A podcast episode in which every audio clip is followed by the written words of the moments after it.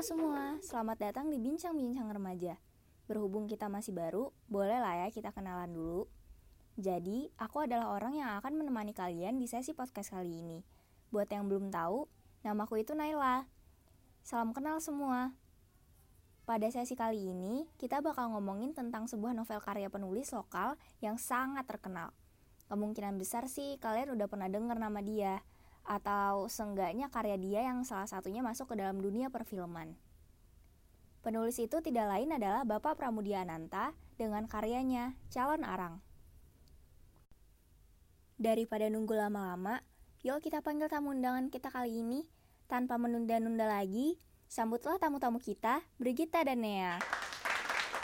Ayo dong Brigita dan Nea, boleh dong kenalan dulu. Halo, nama aku Brigita Kezia Jilen. Aku murid kelas 2 SMA di Sekolah High Scope Indonesia TB Simatupang dan aku sangat suka membaca. Hai semua, nama aku Nia Kirana Piruli. Aku siswa dari Sekolah High Scope Indonesia TB Simatupang dan aku di kelas 11, 2 SMA. Wah, makasih ya Brigita dan Nea udah mau bergabung dengan kami. Jadi, mereka adalah bintang tamu yang bakal nemenin aku hari ini, sekalian berbagi seputar pendapat mereka tentang novel cerita calon arang.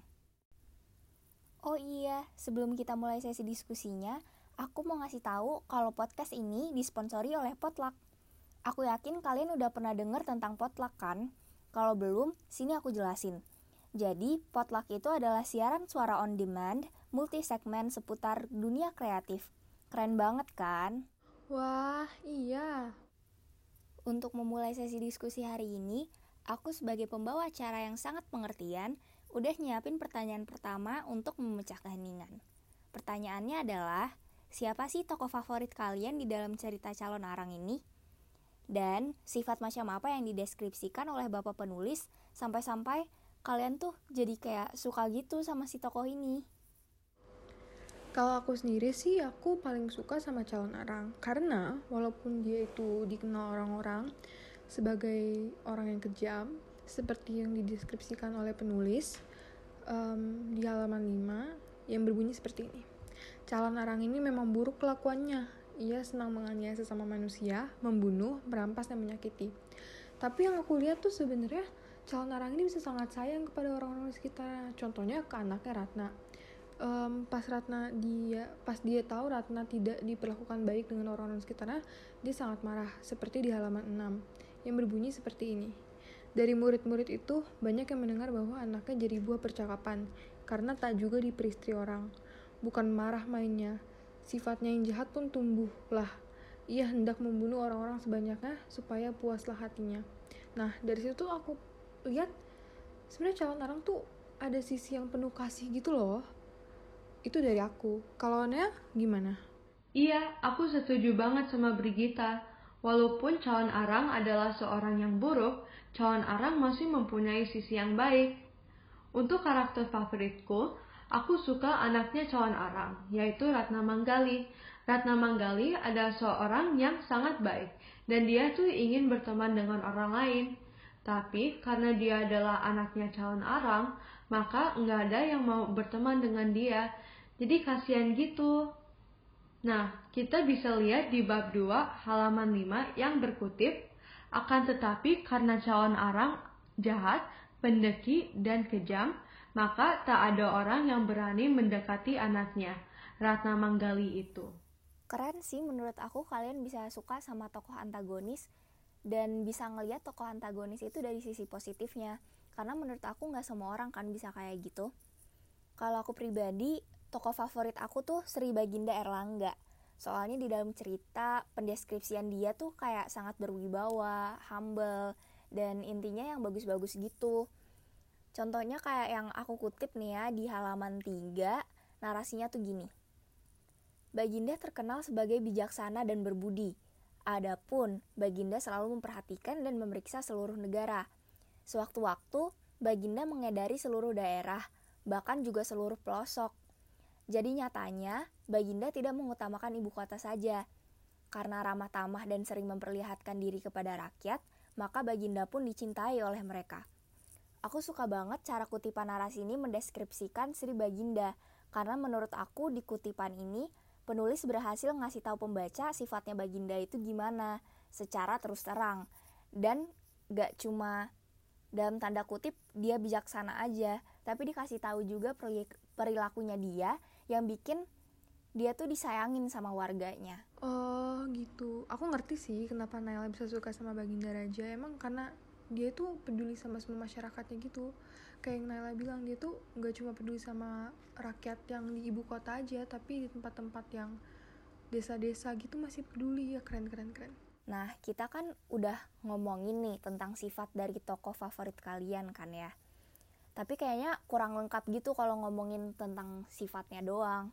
Pasti ada kan peristiwa yang bikin kalian lebih kayak fix aku jatuh cinta sama karakter ini. Dan kalau boleh tahu, peristiwa apa sih yang terjadi di buku yang bikin kalian tuh suka banget sama tokoh yang kalian pilih sebelumnya? Kayak kalau aku misalnya nih ya, Peristiwa yang bikin aku jatuh cinta sama karakter Raja Erlangga ini terletak pada halaman 20. Di situ tuh teluhnya calon arang udah meluas kan ya. Terus salah satu kutipan yang bikin aku tambah suka sama karakter raja ini tuh bunyinya gini. Berita tentang meluasnya teluh calon arang telah dilaporkan pada Sri Baginda Erlangga. Bukan main sedih Sri Baginda mendengar penderitaan yang harus ditanggung rakyatnya itu. Dan yang bukan main nih ya, dia tuh nggak yang sedih terus sedih aja terus kayak diem diem baik gitu kan tapi abis itu dia panggil pendeta prajurit dan orang-orang yang menurut dia mampu ngeberhentiin penderitaan rakyatnya dan menurut aku scene ini tuh berhasil banget ngeliatin pembaca kalau dia tuh bertanggung jawab loh bukan ecek-ecek doang kalau kamu gimana Brik? Um, kalau aku peristiwa yang bikin aku jatuh cinta banget sama calon arang itu pas calon arang menyambut empu bahula pas disambut tuh calon arang nyambutnya dengan sangat amat ramah dan baik. Dan aku sadar di situ bahwa calon arang gak selalu galak. Um, kita bisa ngeliat itu di percakapan antara calon arang dan empu bahula di halaman 52 yang berbunyi seperti ini. Hamba bersyukur pendeta. Hamba serahkan anak hamba kepada tuan dan emas kawin apakah yang harus hamba penuhi? Tanya bahula. Oh itu perkara gampang tuan Sembarang hadiah Tuan Pendeta akan hamba terima dengan perasaan syukur beribu-ribu syukur. Jawab janda dusun girah itu. Dari situ tuh aku sadar sebenarnya calon arang bisa ada sisi senangnya gitu dan baik dan yang ngebuat aku tambah suka lagi pas aku tahu sebenarnya calon arang tuh gak ada serakahnya sama harta-harta gitu dan cara dia menyambut tamu juga sangatlah sangat lembut akhirnya aku bisa ngeliat sisi lain dari calon arang Terus adegan lain yang membuat aku tambah lagi jatuh cinta dengan dia, itu ada di halaman 65. Yang di mana saat calon Aram bertemu sama Empu Baradah dan dia minta disucikan. Um, bunyi seperti ini. Ampun hamba, sang pendeta sungguh berbahagia hamba dapat bertemu dengan padu, paduka Tuan. Tolonglah hamba yang durhaka ini. Lenyapkanlah segala dosa hamba dan berilah hamba jalan pada budi yang luhur. Ya Maha Pendeta, Segeralah paduka Tuhan menyucikan jiwa raga hamba yang durhaka ini. Nah, dari percakapan um, calon arang itu, aku sadar bahwa sebenarnya calon arang tuh gak 100% jahat. Dia ada kemauan untuk berubah gitu loh. Jadi aku makin suka. Um, kalau Nia gimana? Nah, yang membuat aku suka banget sama Ratna Manggali adalah waktu dia menikah dengan Empu Bahula dan mengasih tahu rahasia ibunya. Di bab 10, halaman 55, biarlah hamba ceritakan yang sebenarnya. Tetapi, tuanku, ini tak boleh didengar oleh siapa pun juga. Ini rahasia, rahasia besar. Kalau ibu tahu rahasianya hamba bokar, pasti celaka hamba ini. Tidak tuan ceritakan bukan? Tanya Manggali. Nah, Kutipan ini membuat aku suka banget sama Ratna Manggali karena itu menunjukkan bahwa dia ingin membuka kepada suaminya dan dia ingin membuktikan kalau dia bisa dipercayai. Ia juga ingin percaya dengan suaminya. Seperti lumrahnya sebuah cerita, pasti ada aja kan pesan moral yang bisa kalian dapat dari kisah mereka. Kalau dari tokoh kalian sendiri, pesan moral apa sih yang bisa kalian dapetin dari buku ini? Hmm, Pesan moral apa ya yang aku dapat dari Ratna Manggali? Pesan moral yang aku dapat dari Ratna Magali adalah jangan mengasih tahu rahasia yang sangat sensitif karena kalau kita sudah mengasih tahu orang rahasia itu rahasianya bisa dibongkar. Kalau pesan moral yang paling aku tangkap dari toko Sri Baginda Erlangga itu, gak peduli kedudukan kamu apa, kamu harus tetap baik dan humble. Dan setinggi-tingginya, kedudukan kamu, kamu harus selalu ingat tentang siapa yang bikin kamu bisa sampai di sana. Karena gimana pun juga, Sri Baginda Erlangga bisa jadi raja karena dia punya rakyat. Dia bisa jadi raja karena bawahannya loyal, setia, dan dari yang aku baca, dia nggak lupa sama fakta itu. Makanya dia disayangin sama rakyat-rakyatnya. Kayak contohnya nih ya, di halaman 25, aku kutip, setelah sidang dibubarkan, segera Sri Baginda Erlangga masuk ke sanggar pemujaan. Di sana, Baginda memuja pada dewanya agar diberi petunjuk untuk memberantas penyakit yang telah begitu banyak membunuh rakyat kerajaan. Dari kutipan itu, kelihatan banget rasa peduli dia terhadap rakyat-rakyatnya. Kutipan itu juga menurut aku nunjukin kalau dia itu sadar bahwa sebagai raja, dia punya tanggung jawab yang besar akan rakyatnya. Wah iya ya, kalau Baginda Raja tuh selalu ngajarin kita untuk jadi tetap humble dan rendah hati um, kalau yang diajarin calon arang itu moral yang kita bisa dapat itu pertama kita selalu harus buat baik uh, kepada orang lain tanpa melihat latar belakang mereka. Kedua kita tidak boleh merasa diri kita paling jago atau paling hebat dibanding orang lain. Karena setinggi tingginya kita pasti lebih ada orang yang lebih tinggi lagi. Um, contohnya seperti dia yang awalnya tuh sangat sangat sangat amat sombong. Tetapi pada akhirnya ia terkalahkan juga oleh Empu Barada karena Empu Barada lebih kuat. Seperti di halaman 63 yang awalnya calon arang tuh menjelek-jelekan Empu Barada dengan berkata seperti ini. Hei Barada, engkau menolak perintahku. Engkau tak mau membuat diriku kembali jadi baik. Engkau tak sudi melenyapkan semua dosaku. Mau apa tidak? Dan juga kalimat ini. Jangan sampai kena teluhku. Engkau mau tahu siapa calon arang yang tak tertandingi di seluruh alam ini. Inilah dia orangnya. Kerjakan perintahku, atau ku buat kau jadi barang tontonan yang paling hina. Itu kata calon arang, yang pada akhirnya calon arang terkalahkan oleh um, Empu Barada. Empu Barada mematikan calon arang dengan sangat amat gampang.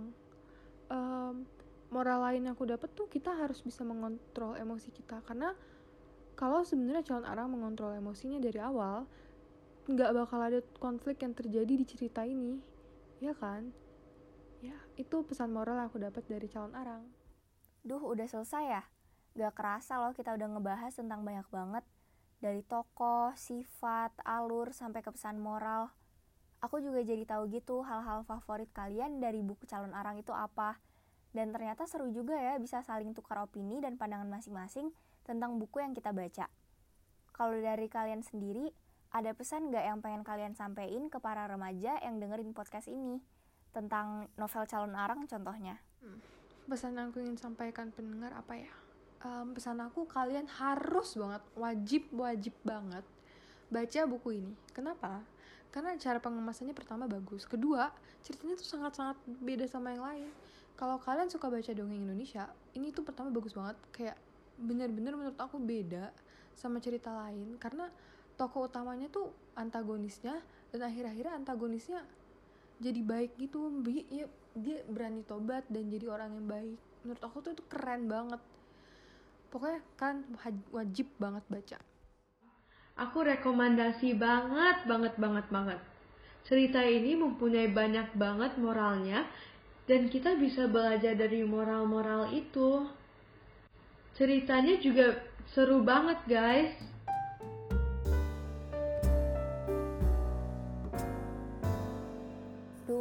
harus berpisah aja ya, aku jadi sedih. Tapi mau gimana pun juga, aku mau ngucapin terima kasih untuk para pendengar yang udah mendengarkan kami membahas novel Calon Arang. Terima kasih juga kepada tamu-tamu spesial kita hari ini, Degita dan Nea, karena sudah mau meluangkan waktunya untuk bercakap-cakap di sini.